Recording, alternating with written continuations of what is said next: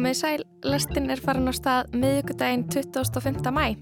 Ég heiti Lóa Björk Björstóttir og ég er eini í lestinni í dag. Ég saði í gær að meðþáttastjórnlandi minn Kristján Guðjónsson væri stattur í Skotlandi. Það er ekki rétt, hann er stattur í öðru landi, hann er stattur í Wales.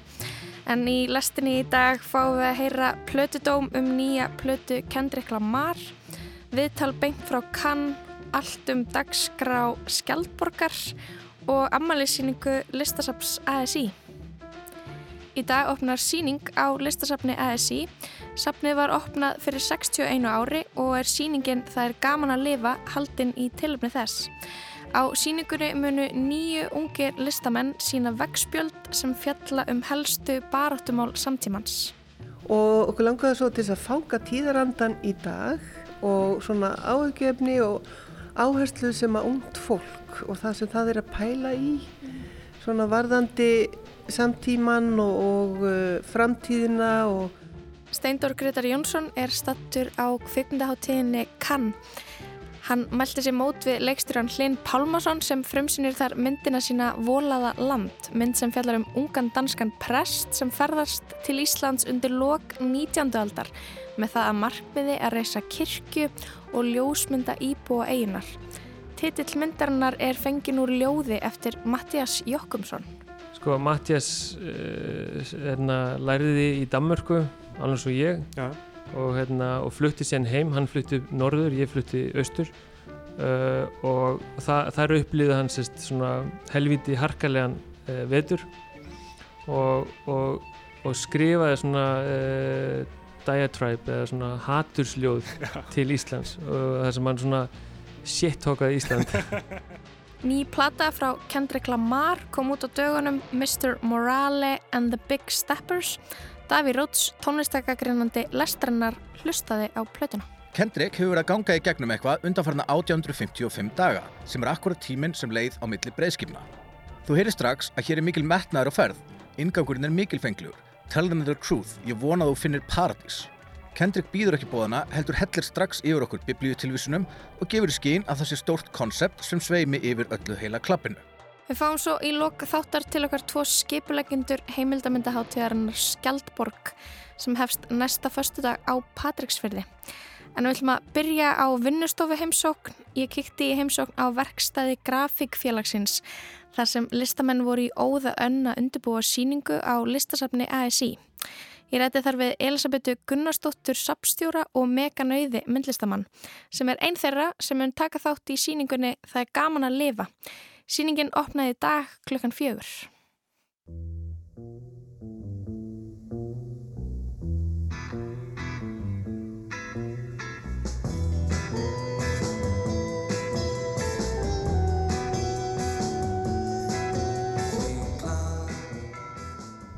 Getur þú kannski sagt mér hvað eru að fást við á þessu verkstæði þessa vikuna? já, þetta er verkefni sem að tengist eh, afmæli 60 ára afmæli listasafsæðis í. Og það var náttúrulega stopnað eh, 1961 með veleri gjöf frá Ragnar í Smára sem vildi menta alþýðuna. Og eh, við ákveðum að gera eitthvað sem að er eh, skipti máli í dag en kalla svolítið á við uh, hérna, hvað var gerast fyrir 60 árum. Mm. Þessum er það sem við notum handverk í gerð svona vegspjalda sem við köllum eftir þáttakundum og þeir þurft að vera frekar ungir, það er að segja hérna, yngri en, en uh, þrítvír og okkur langaði svo til þess að fanga tíðarandan í dag og svona áhugjefni og áherslu sem að ungt fólk og það sem það er að pæla í mm. svona varðandi samtíman og, og uh, framtíðina og, og þetta heitir það er gaman að lifa þetta verkefni og mm. það er málverk eftir Kjarval sem heitir það er gaman að lifa og er, er málverk af ungu fólki sem að er um, það tala um það sko það er ekkert gott veður á hérna Uh, þegar myndin er gerð uh, og það er eins og svona súld. Mm -hmm. en það er gaman að lifa vegna þess að þau þóra að horfast í augu við tvísina veröld. Mm -hmm. og það er kannski það sem við erum að, um að hugsa með þetta að um, hvað er það sem að ungt fólk er að pæli í dag? Og hvernig sér það e, framtíðina og, og samtíman fyrir sér og svo líka það að, gerist það að við startum þessu, þessu verkefni í januar og svo fengum við stríð í fangið. Og það dróst svolítið að framkvæma það og það er nú aldrei sko efni í hérna umhugsunar efni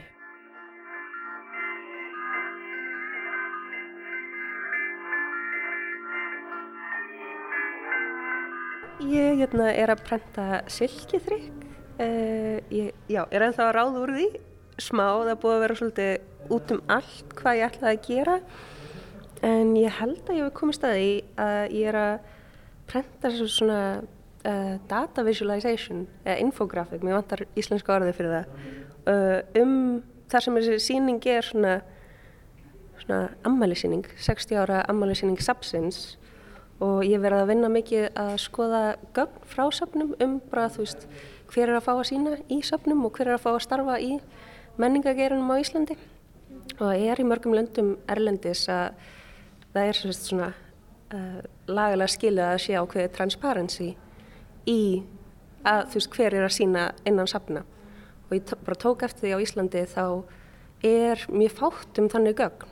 Það er mjög erfitt að fá aðgengi að þeim Svo ég hérna fjekk Elisabethu og Ottu til að sé hjálpa mér að leita uppi hver hefur verið að sína í listasafni ASI og er bara að gera mjög basic eða svona, uh, svona síning, já, visualization á bara kynja jafnréttinu í, af listafólkinu sem hefur verið að sína í listasafninu senastu 60 ár. Okay. Erstu strax búin að komast að ykkur? Uh, já, já, við vorum einmitt að tala um það ég og Otta áðan að við hefum deginn út því að uh, stoppgjöfin frá ASI var, þá, ég held að það voru hvað, ég er ekki alveg með á hreinu og Elisabeth á eftir að kannski vera með töluna betri, betri en ég held í stoppgjöfinni hafa verið þú veist 125 listamenn og tvær listakonur sem er alveg svona og það einlega held hann áfram í þó nokkur ár en síðan einhvern veginn voru við að tala um það um, það var einhvern veginn eins og það hefði verið bara mjög sterk ákverðun hjá einhverjum sjálfstjórum uh, svona síðari ára að reyna að jafna þetta kynjabil uh, af listafólkinu sem er að sína sko.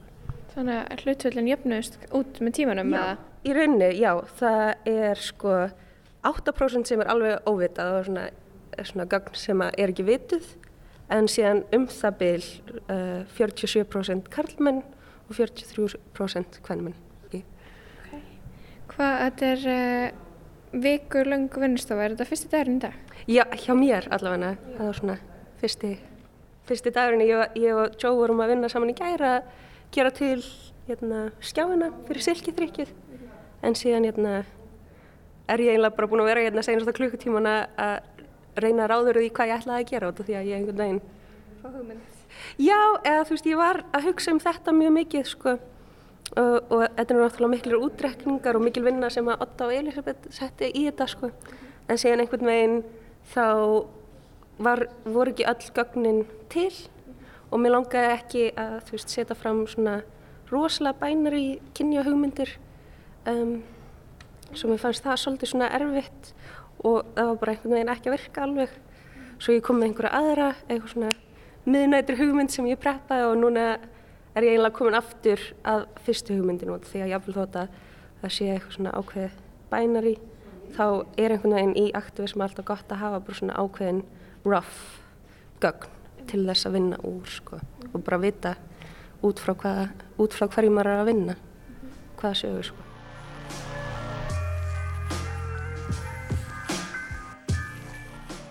hvað eru ungu listamennir að fjalla um, hvað, mm -hmm. hvað eru hitamál þeirra í dag? Já, veistu það, það kom tímabil þar sem ég hafði pílar áhyggjur af því að, um, að við hefðum það öll svo gott og þau hefðu það svo gott að það væri engin áhyggjafni. Mm -hmm. Það var þannig, eh, samræðarnar okkar voru þannig. En svo hefur nú aldeilis annað komið í ljós. þannig að e, ég hef ekki séð hvað allir er að gera nákvæmlega. Mm en um, það er, þetta er mikið dagumálin, umhverfismálin, eh, svona rasismi og eineldi, kerfið sem við búum við, eh, heilbíðskerfið mm. og hvernig það tekur ekki nógu vel utanum fólk og hvernig eh, málinn er ekki leist alveg til enda, það er, það er svona vangaveltu sem að, sem að, og þetta kom mér svolítið óvart, ég held kannski að ég vissi ekki sko að þetta er aðal áherslunar mm -hmm. og svo auðvitað hérna kvennréttindamál og, og jafnbreytismál og, mm -hmm. og allt mögulegt svoleiðis. Er þetta hérna, er þú að fara að vinna hér? Ég er að vinna hér og þetta er svona skissan að því sem ég er að vinna eða svona, já, allar það skissur sem ég er búin að vera að leika mér að einmitt núna. Mm -hmm. Hér er nú þegar prenta plaggat, uh, ég held að hann heiti Bræi sem var að klára þetta í gerð hérna stundur aldrei allt í lægi eru er fleiri svona, eru er ykkur að gera svona mótmálaskildi eða? Það er einlega hugmyndin sko eða svona að tala um einhvern veginn hvað hva brennur á einmitt núna. Og mér finnst þetta mjög góð setning einhvern veginn út af því að ég sjálf þegar ég voru að vinna einhvern veginn það er svo margt sem þarf að taka á sko. Það er svona erfitt að finna sér eitthvað eitt. Að velja sér bara áttum ál Já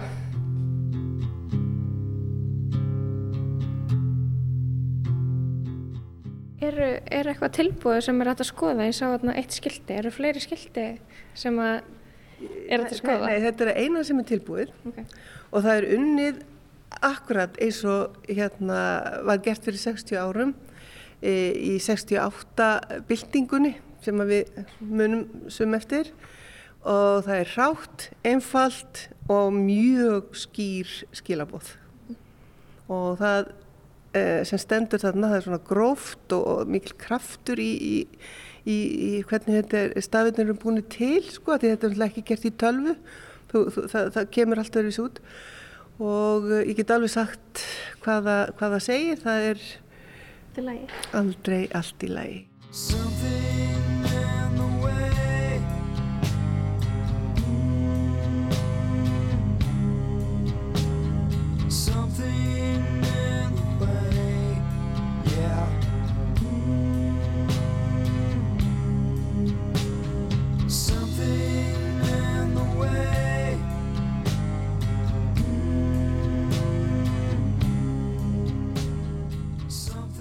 Hanna rétti ég við þær Elisabetu Gunnarsdóttur og Megan Auði. Þær koma báðar að síningunni Það er gaman að lifa sem að opna í dag á listasafni ASI. En uh, við ætlum að færa okkur yfir í tónlistana. Daví Róts, tónlistagagrinandi lestarinnar, hlustaði á nýju Kendrick Lamar plötuna Mr. Morale and the Big Steppers. Um, plötu sem hefur verið beðið eftir með mikilvæg eftirvendingu og við gefum Daví Róts orðið.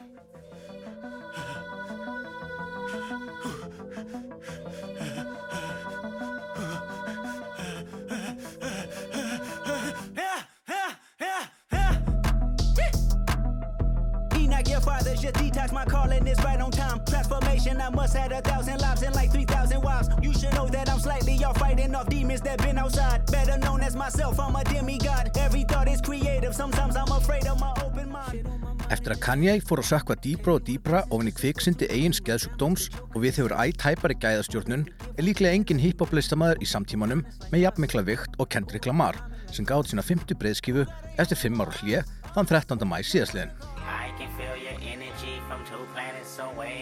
Drink, I got my music, I will share it, but today I'm yelling, bitch don't kill my vibe, bitch don't kill my vibe, bitch don't kill my vibe, bitch don't kill my vibe. Look inside of my soul and you can find gold and maybe get rich. Look inside of your soul and you can find out it never exists. I can feel the changes. Það eru nánast allir sammála um hvílikt ægivald Kendrick Lamar hefur á rappforminu. Hann er dýrkaður og dáður, jaft af 14 ára autotún uppeldum gúns og miðaldra pjúristum sem sirkja gullöldina. Hann er bæði gangster og byltingamæður, gamli og nýjuskólinn, framúrstefna sem rík heldur í hefðuna. Og það er engin eitt Kendrick, hann er, eins og stóru skáltsugur, margratta, ljóðmælendi sem beiti fyrir sig mörgum mismundi personum eftir lögum eða versum og hefur fleiri hausa en hýdra. Og hann er fyrsti rapparinn til þess að vinna Pulitzer-velun sem hún hefur veitt fyrir síðustu breyðskifusuna Damn sem kom út 2017. Árið 2018 hafði hann yfirimsjón með hljóðrásunni úr Marvel-myndinni Black Panther en hefur síðan þá haft nokkuð hægt um sig, átt einstakar gestavers en ekkert gefið út undir eigi nafni þar til 8. mæ Hann gaf út lagið The Heart Part 5 ásand myndbandi og hans fymta breyðskifa Mr. Morale and the Big Steppers kom svo út 50 um síðar.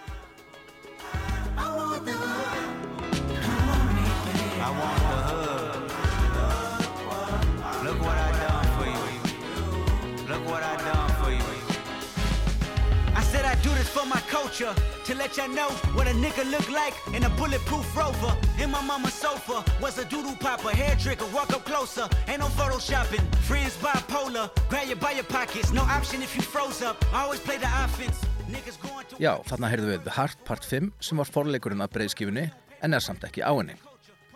Lagið er jazzað og sálaskotið og eins konar ávarp, The State of the Union, stöðu Jack Kendricks og greining á svartri menningu og kerfislega rasismannum sem hún þarf stöðut að glíma við akkurat núna. in the land where no equal is your equal. Never say I ain't told ya, nah. In the land where hurt people hurt more people. Fuck calling it culture. you're sober. By tomorrow, we forget the remains, we start over. That's the problem. Our foundation was trained to accept whatever follows. Dehumanized, insensitive, scrutinized the way we live for you and I. Enemy shook my hand, I can promise I'll meet you. In a land where no equal is your equal. Never say I ain't told ya. Nah, in a land where hurt people hurt more people. Fuck calling it culture. Myndbæti við lagið er svo bæði einfalt og marglega. Við sjáum fyrst bara Kendrick rappa í myndavélina en þegar álýður byrjar andlitið hans að breytast með svo kallari deepfake tækni og umbreytist í fræga svarta menn eins og O.J. Simpson, Kanye West, Will Smith og Kobe Bryant. Í lokaversinu tekur hann svo trómmunar út og talar út frá personu rapparnas Nipsey Hussle í handanheimum en sá er L.A. góðsögn mikil sem var skotin árið 2019. Algjört gæsa húðar stöf. En Mr. Morale and the Big Steppers hefst akkurat svona. I hope you find some peace of mind in this lifetime. Tell them. Tell them. Tell them the truth. I hope you find Tell them. Tell them the truth. Tell them. Tell them. Tell them. Tell them you're. I've been going through something. 1,855 days. I've been going through something. Be afraid. Kendrick hefur verið að ganga í gegnum eitthvað undanfarna 1855 daga sem er akkurat tíminn sem leið á milli breyðskipna. Þú heyrir strax að hér er mikil metnaður á ferð. Ingangurinn er mikilfenglugur. Tell them the truth. Ég vona þú finnir paradís.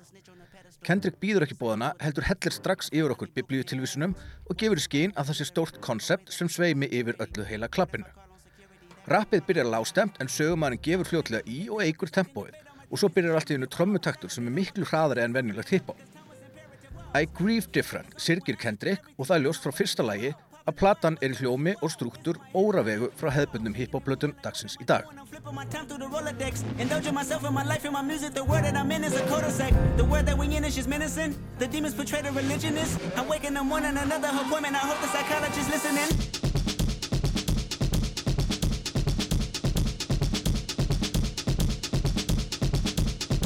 Í þriðalæginu Worldwide Steppers eru engar trommur, bara dundrandi bassagangur, nýklassískar píunahendingar og stökustaf og dúoprattir. Meðan Kendrick Lamar rappar um þegar hann svaði fyrsta skipti hjá kvítistelpu, sem heppilega var líka dóttir lauruglustjónas. Annars sem hann kemur inn á í Worldwide Steppers og raunar fleiri lögum á plötunni byrjast vera andspyrna við hinn að svokalluðu slaufunarmenningu eða cancelkultúr sem sést líka í vali á gestum eins og Kodak Black og Baby Keem sem hafi verið settir út af sakramentinu hjá mörgum sökum vafasamra breytni og skoðana. The morality can wait, feedback on low latency. I'm glitching from the face as my thoughts grow sacredly. I'm running out of space. Ask Winnie, she okay? Never mind a hundred K. Why you lying on Benjamin? He turning in his grave. I'd be lying if I said I wouldn't get it. Shit away, the aloof Buddha. I'm Christ with a shooter. Praise to Muhammad. I might nigga lose you. AP, Michael. Kendrick Lamar hafi verið með sömu konunni, Whitney Alford, farið í mentaskóla og á með henni tvö börn, en hún kemur mikið við sögu í textum plötunar. Hún á síðan sinna fyrstu innkomi í eigin personu í ingangilagsins Father Time, þar sem hún ráðleikur spúsa sínum að leita sér sálfræðihjálpar, en í læginu gerir Kendrick upp styrt samband sitt við strángan föður sinn. Mr. Morale and the Big Steppers er skipt í tvo nýjulega helminga, en svakalegasta lagið á fyrirlutunum er We Cry Together. Man, bitch, kiss your ass? Nah, nigga, you fucking lame. You know what? Fuck you, bitch. Fuck you, nigga. Nah, fuck you, bitch. Nah, fuck you, nigga. Fuck you, bitch. Nah, fuck you, nigga. Nah, fuck you, bitch. Fuck you, nigga. Fuck you, Fuck you, fuck Fuck you, fuck fuck you, fuck you, Fuck you, bitch. nigga. Fuck you, bitch. Lægið byrjar á ingangi eiginkonu Kendricks og takturinn er moldjassað 90s flikki sem minnir á Wu-Tang eða Mobb Deep. Í læginu kallast, eða réttar sagt öskrast, leikonan Taylor Page á við Kendrick í því sem hljómar eins og heiftalegt rifrildi pars þar sem bæði reyna að særa hvort annað eins mikið og þau geta. Það er bæði afhjúbandi og sorglegt því að þessi sérstakka tegund haturs getur bara hafa þróast út úr ást og mjög margir geta örglega tengt við það að hafa einhver tíman verið versta útgáðan af sjálfum sér í ömulugu stigmagnandi rifrildi við þann sem maður elskar. Leikrænu tilbyrðunir, barnalega grimtin, stjórnleysa heftin og grótesku blótsröðun eru slík að þetta myndi með einna helst á Kim með Eminem. En haftu við verið eftir Kendrick að Eminem sé einn af hans helstu áhrifavöld.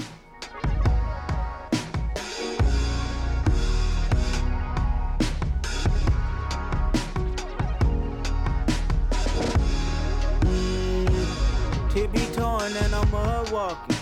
Mm. Rolling sevens, I ain't ready for no coffee. I know y'all love it when the drugs talking, but shut the fuck up when you hear love talking. Shut the fuck up when you hear love talking.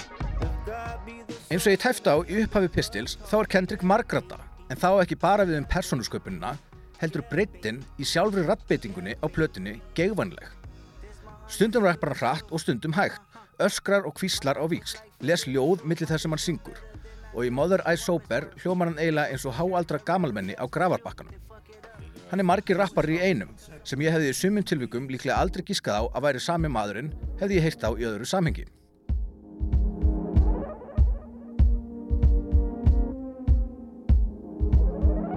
Monty is a man now. I think I'm old enough to understand now. Drinking Parmesan with her hat turned backwards. Motorola pager, off-white guest jacket.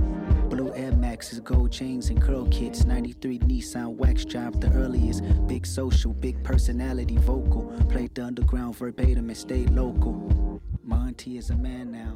Mr. Morale and the Big Steppers er laung, stór og metnaðafull plata, 18 laga og cirka 75 mínútur af hugarheimi Kendricks.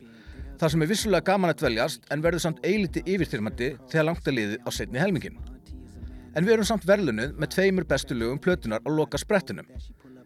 Það ber fyrst að nefna Onti Diaries, viðlagslaust lag um frængu Kendricks sem varð frændi, fordóma samfélagsins og óþróskaða úlingar sem kölluði hann fagga og í lokin yfirfæri Kendricks og orð frænda síns yfir á umdilt atvik á eigin tónleikum 2018 og viðurkennir hafa brúðist rangt við. My auntie is a man now. I think I'm old enough to understand now. Drinking Parmesan with her hat turned backwards. Back when it was comedic relief to say faggot. Faggot, faggot, faggot, we ain't know no better. Elementary kids with no filter. However, my auntie became a man and I took pride in it. She wasn't gay, she ate pussy, and that was the difference. That's what I told my Hittlagið er Mother I Sober, sjö mínútna játning án trommutakt yfir píjánuhljómum þar sem Kendrick opna sig um að fjölskyldan hans held að hann hafi verið misnotaður af frænda sínum, heimilsofbeldi sem móður hans mátti þóla og eigin kynlífsfík og framhjáhald sem leiddi á endanum til þess að æsku ástinn og barsmóður hans Whitney fór frá honum. Fram að þessu lagi held ég að þau veru enn saman og þetta var því mjög stór skellur og plottvist fyrir mig. I feel everything. I feel everybody. One man standing on two words. Heal everybody. Transformation, then reciprocation. Karma must return. Heal myself. Secrets that I hide. Buried in these words. Death threats. Ego must die. Í Mother I Sober gefur Kendrick í skinn að hann viti að margir frægir rapparar hafi orðið fyrir kynferðisofbeldi í æsku en eitruð karlmennska kom í vekk fyrir ofinbera viðurkenningu. Og hann setur þetta allt í samingi við arfgengan harm og margra kynnslóða nöðganir bandarískra valdastjættar á svörtum þrælum og fátaklingum. Og það er svo engin önnur en himnesk Beth Gibbons úr Portishead sem syngur við lagið. Svo einfalt en samt eitthvað sem allir geta tengt við á sínum verstu stundum. I wish I was somebody, anybody but myself. Staring at me on back of some buses. I wake up at night, loved her daily, traded in my tears for a Range Rover. Transformation, you ain't felt grief till you felt it sober. somebody, anybody but myself. Það er engin samtímarappari sem kemst með tærnar í flæðið hans Kendricks, orðaforðan, samfélagsgreininguna, ástríðuna og sjálfskoðunina. Koronan sýnir ekki á sér neitt farasnið. Mr. Morale and the Big Steppers er stórt, metnaðafullt og margratta listaverk sem engin annar í heiminum hefði getað framreitt. En þegar bógin er spenntur svona hátt er stundum ekki allt sem hittir í mark. Eins og áður sæði er platan 75 mínútur og hefði að mínu matið að ósegjum átt skera niður um fjórðung eða þriðung sem hefði skilað sér í þjættari heild þó ekkert sé beilinis leiðilegt. En heilt yfir eru það allt umlíkjandi gæði sem eru ráðandi á Mr. Morale and the Big Steppers. Ég taldi skiptin sem ég fekk gæsahúð á báðum höndum og táraðist tvísvar. Ég veit eiginlega ekki hvers meira ég get krafist af hljómplutu heldur en það. Still I feel uneasy. Water watching, live my life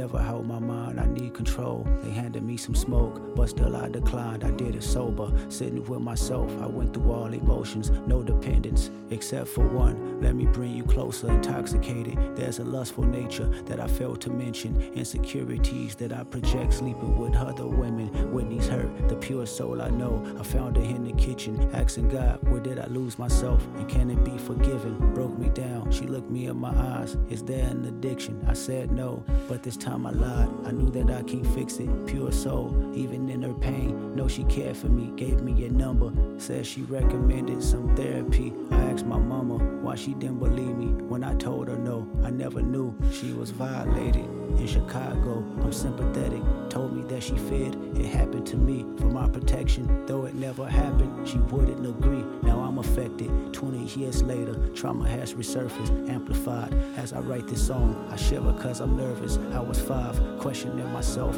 long for many years. Nothing's wrong, just results on how them questions made me feel. I made it home, seven years of tour, chasing manhood, but Whitney's gone. By time you hear this song, she did all she could. All those women gave me superpowers. What I thought I lacked, I pray our children don't inherit me and feel inside track of conversation not being addressed in black families. The devastation haunting generations and humanity. They raped our mothers, then they raped our sisters, then they made us watch, then made us rape each other. Psychotic torture between our lives. We ain't recovered, still living as victims in the public eyes who pledge allegiance. Every other brother has been compromised. I know the secrets. Every other rapper sexually abused. I see them daily, burying their pain in chains and tattoos. So listen close before you start to pass judgment on how we move, learn how we cope. Whenever his uncle had to walk him from school, his anger grows deep in misogyny. This is post traumatic. Black families and a sodomy today is still active. So I set free myself from all the guilt that I thought I made. So I set free my mother, all the hurt that she titled shame. So I set free my cousin chaotic for my mother's pain. I hope Hakeem made you proud, cause you ain't die in vain. So I set free the power of Whitney, may she heal us all. So I set free our children, make a karma, keep them with God. So I set free the hearts filled with hatred, keep our bodies sacred. As I set free all your abusers, this is transformation. Já, lægið Mother I Sober, þetta var Davíð Rhodes að fjalla um nýútkomna plötu Kendrick Lamar. Hann var bara heilt yfir litið mjög ánæður. En uh, við ætlum að fara til Fraklands Steindor Gretar Jónsson er stattur á Cannes í sólinni á kveikmyndaháttíð eins og svo margir. Í gærættan við Magnús Maríusson sem leikur í myndinni The Vagabonds en í dag fáum við viðtal frá honum við Hlín Pálmarsson, leikstjóra myndarinnar Volaða land.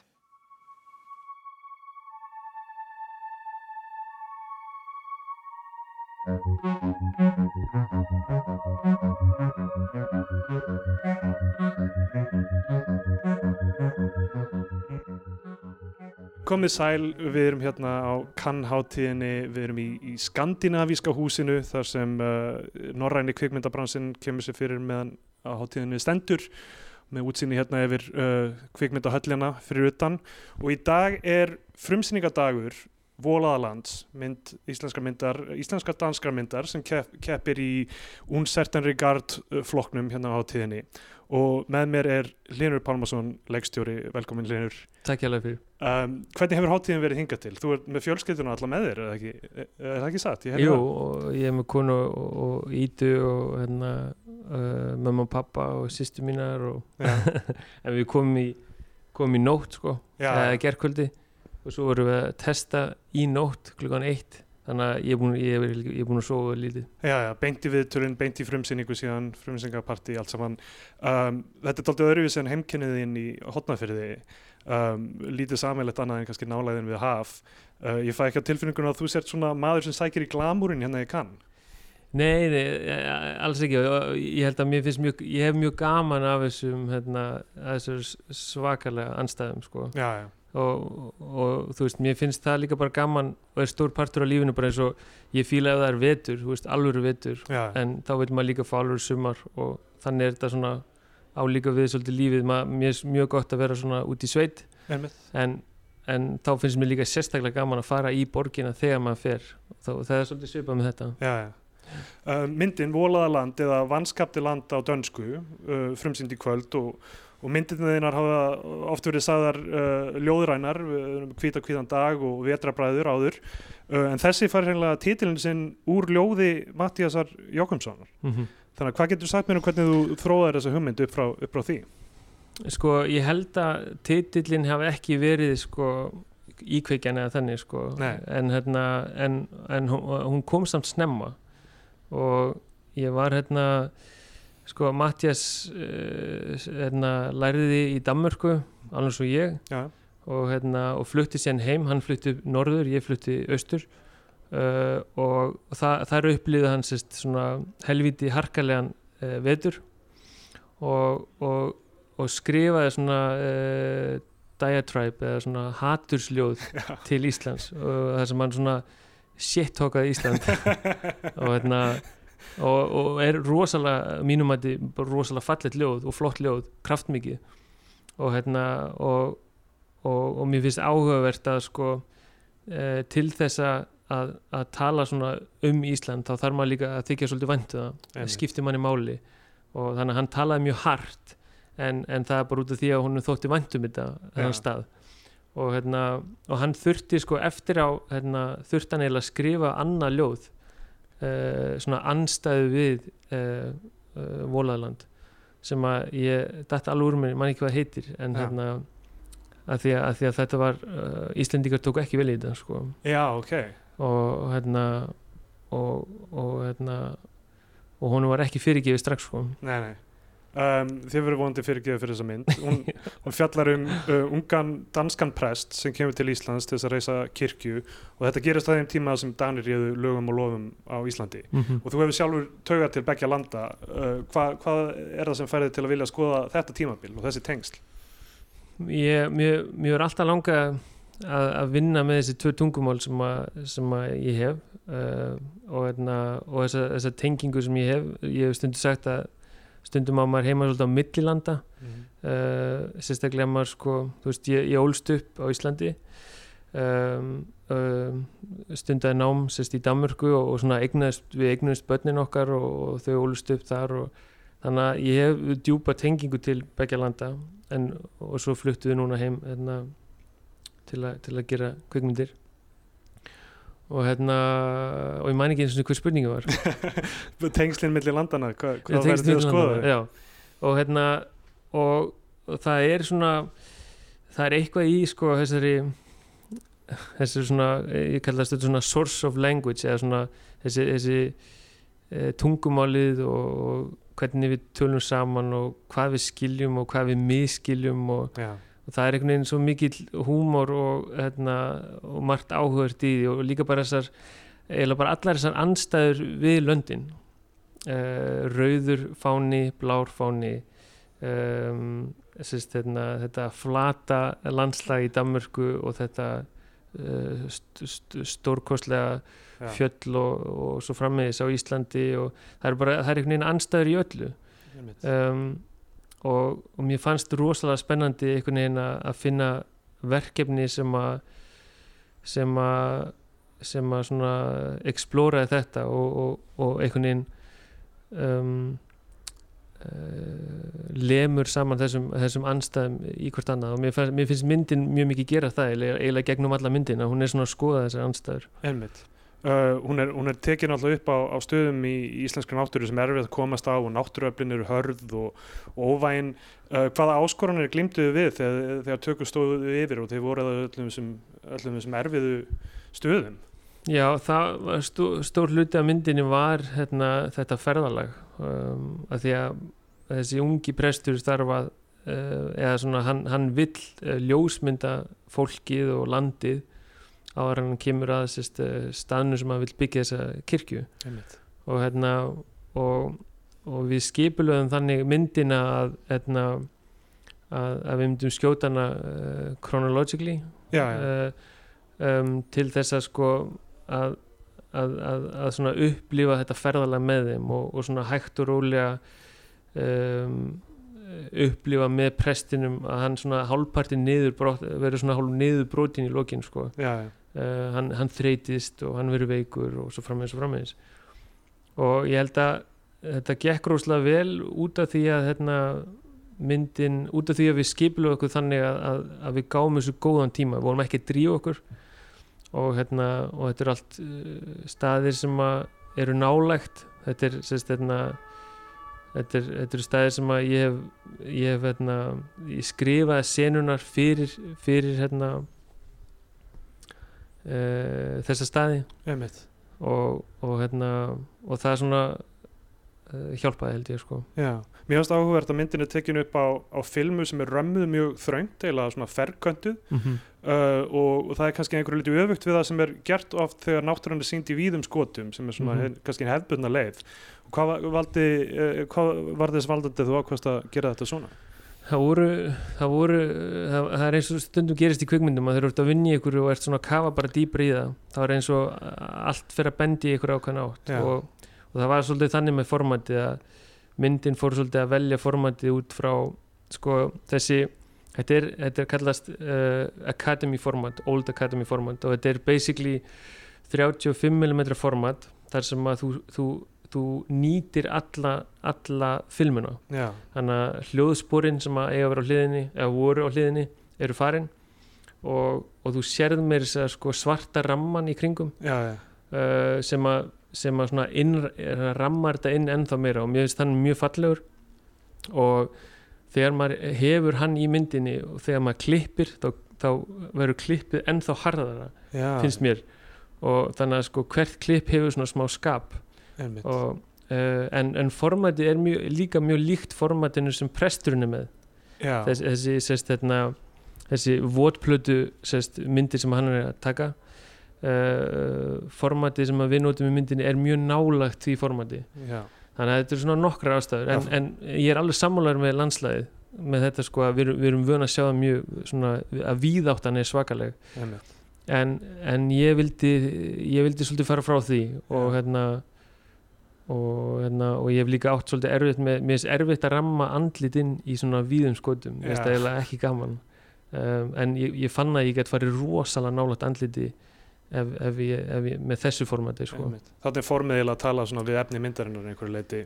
já, og Um, það, já En, en fyrst við nefnum uh, fjölskylduna þína, þú verðist vera með vinnu fjölskyldu líka, þú, þú ert með sama samstarfsfólk uh, þarna bak, bæði fyrir framann vélina og, og fyrir aftanana sem Mhm. þú hefur verið með í mörgum öðrum myndum um, og hérna um, og, og þú vinnur ítrekka með og þó allt verðist einhvern veginn snúast um leikstjórana á þessari hátíð og, Mhm. og stjörnundar á rauðadreglunum, þá verðist þetta að vera mikið samstarfsverkefni, er það ekki?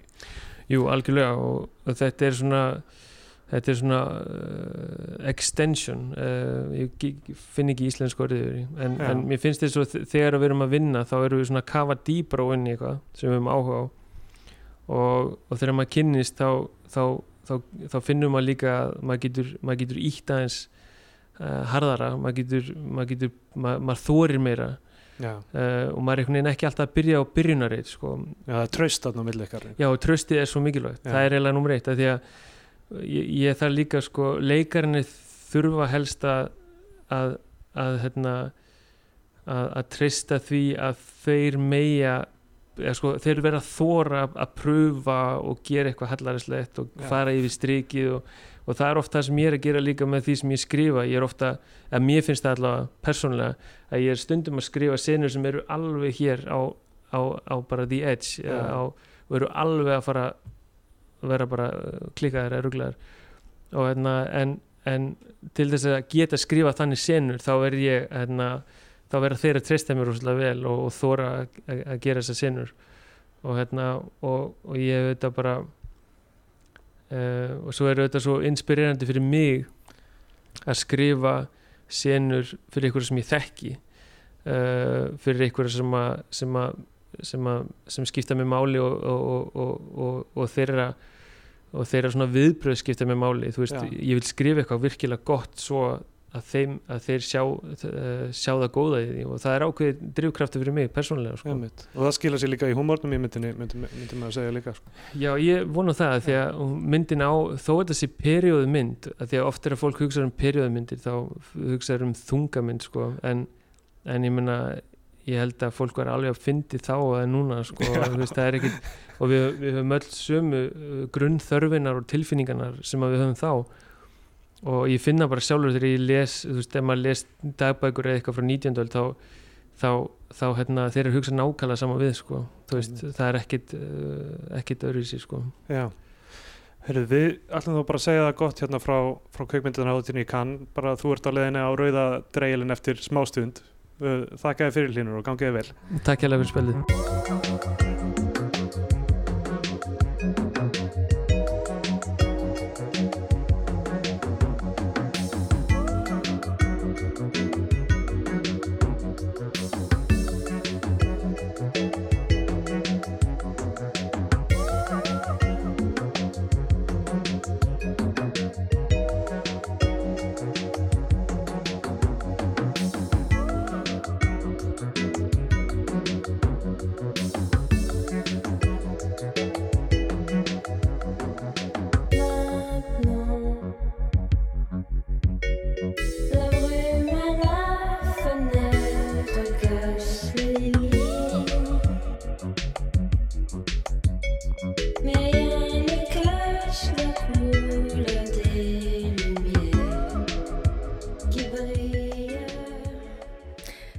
Gretar Jónsson rætti þarna við Hlinn Pálmásson leikstjóra. Þeir eru báðið stottir á kann, örgulega mjög gaman hjá þeim, en uh, við ætlum að halda okkur í kvikmyndunum og bjóða tveimur af skipulegjendum kvikmyndaháttíðarinnar Skjaldborg velkomnar til okkar hérna í lestina. Það er Karna Sigurðardóttir og Kristín Andrea Þorðardóttir. Ætla að segja okkur aðeins frá því sem er að fara að gerast á Patreksferði í næstu viku.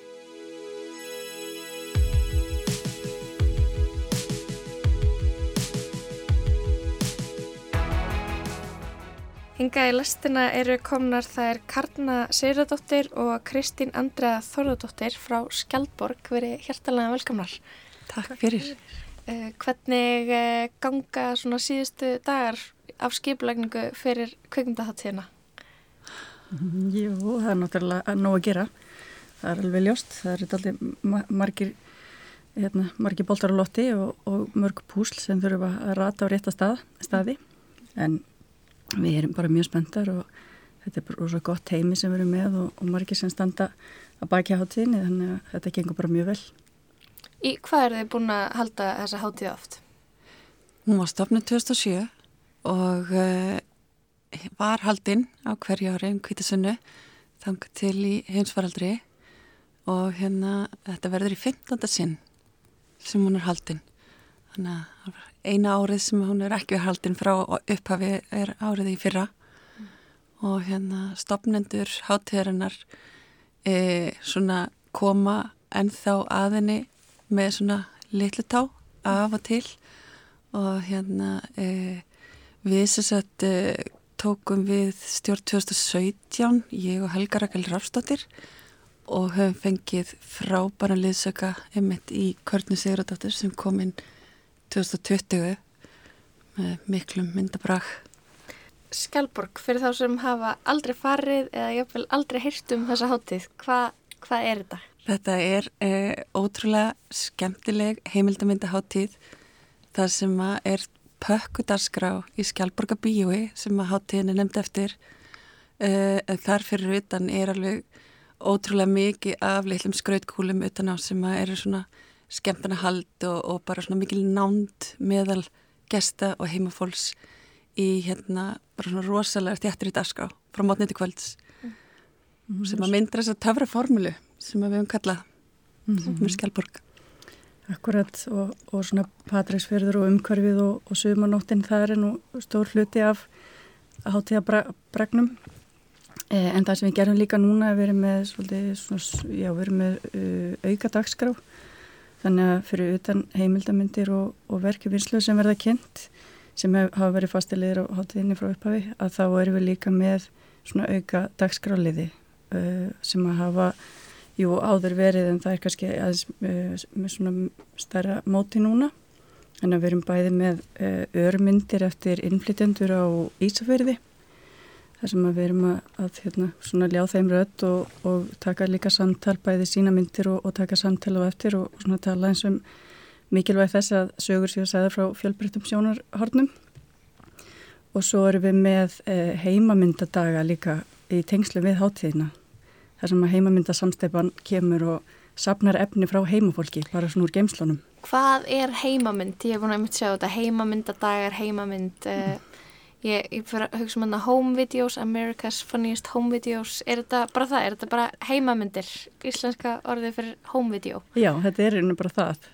Og hérna þetta geta sumar verið fyndnar og, og skemmtilegar en, en það er líka mjög mikil fegur í því oft bara svona bara svona almennu heimilislífi eða bara hversteginum þannig að, að, að þetta er mjög áhugavert verkefni sem þær eru með í heimamyndasamstöpunni Sigriður Regina og Kamila og það er alltaf sem sé að sapna efni þarna frá heimafólki fyrir vestan og sína svo valið efni á í dagskrá hátíðarinnar.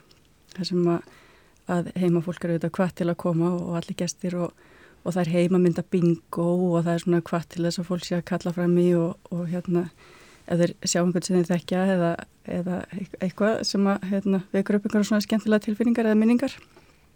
Þannig að, að það verður alveg úr nóga móða fyrir þá sem kom á Patarsfjörð um kvítasunni Um, þarna, ég veit að þegar maður er að skipuleika svona hátíð þá finnst maður örgulega, verður maður örgulega jafn spenntur fyrir öllu, finnst allt alveg frábært sem maður er með, en hvað, þið þurftu að velja eitthvað, hvað stendur upp úr í ár, hvað er svona eitthvað sem þið vil, svona, eru stoltastar af eða spenntastar fyrir eða er svona, í, er svona eitthvað aðal á hátíðinni? Það er náttúrulega bara enga veginn hægt að segja sko. En það er náttúrulega verið með heiðurskjast til dæmis uh, hátíðinni. Já, það er, hérna, það er einmitt mjög uh, auðvelt að segja frá sko, heiðurskesti sem eitthvað svona must see að því að þá erum við ekki að gera upp neitt að mynda eða neitt þannig. Hver er heiðurskestur í Hann heitir Magnús Gerten og er heimildamöndahöfundur frá Malmö í Svíþjóð. Og uh, hann er líka framlegandi en, en hérna hann er að koma sem, sem sagt, eh, með tvær myndir sem hann hefur leikstýrt og uh, eru svolítið með útgangspunkt frá sama uh, sapna efninu sem hann hefur verið að stúdira frá 2007 og er efni sem var tekið í rauninni sem uh, fréttaefni 1945 voru bara rétt eftir að stríðinu laug og þar sem að eh, skip bara full af uh, fólki sem hafi verið í útrymmingabúðunum steig á land og var komið í örgahöfn og hann er búin að vera að vinna með þetta efni uh, í þremur verkum uh, og við erum að fara að sína tvöðara Uh, síðasta sagt, er mynd sem hann frumsýtti bara núna í byrjun árs á uh, Berlinale hátíðinni og uh, vann einmitt velun fyrir í sínum flokki sem heitir Teddy velunin sem er jáfnframt sko svona queer líka velun Mm. en myndin fjallar um konur sem að földu hugið saman í útrýmingabúðum nasista og áttu svo líf eftir það. Það er heiðuskestaspjall, eh, það hefur verið fastu liður á hátíðinni og við höfum verið með rosalega góða gesti á hátíðinni í gegnum árin og þetta er rosalega hérna, mikilvægur hluti af samtali um heimildamynda gerð á Íslandi og hefur oft verið mjög bara gjöfult eh, þetta, þetta innlegg á Skjálborg. Þannig að það verður á lögatiskvöldinu, heiðuskestaspjall með Manús. Þið er að sína íslenskar heimildamindir. Er þetta síðan keppni, er domnemnd sem velur sigurvera eða hvernig er það eiginlega? Mhm.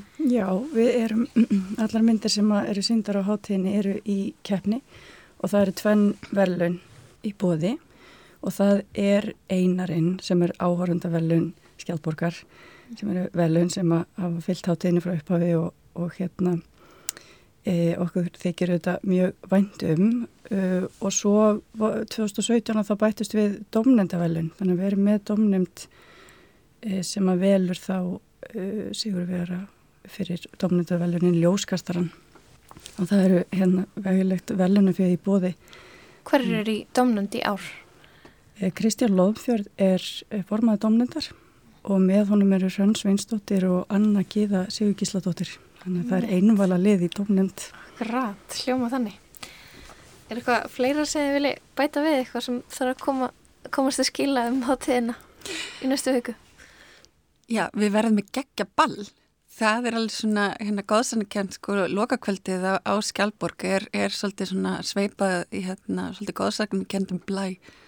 Því að það, sem sagt, dagskráni líkur í, í Skjálborga bíói að kvöldi, það sem að áhörandukostning fer fram og uh, verður með skemmtiatriði, uh, uh, hérna, stand-up sem að uppi stand með, hérna, Ari Eldjátt Ymmitt, hann verður hann líka. Hann verður hann líka og, og verður líka með alveg sér svona hérna dagskrarhólf emitt með heimamyndum úr, úr uh, eigu fjölskyldun sinnar. Uh, en þarna verður hann með uppistand sem verður svona end, loka hnykkurinn á, á dagskráni í bíónu að því lóknu þá sapnast gesti saman uh, fyrir utan bíóið og við göngum fylgtu liði í, í skrúgöngu frá Skjálborgabíu upp í félagsheimili þar sem að verður heljar en að dansleikur með hljómsveitinni Celebs.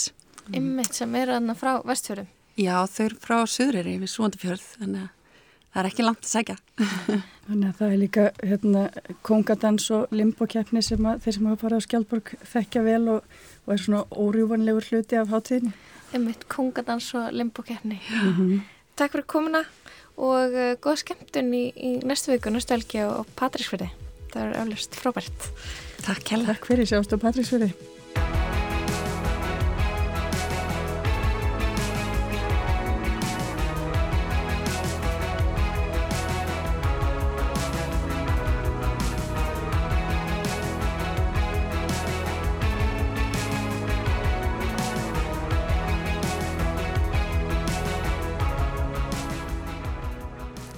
Lægið kannski hann með hljómsveitinni vestfyrsku Celebs.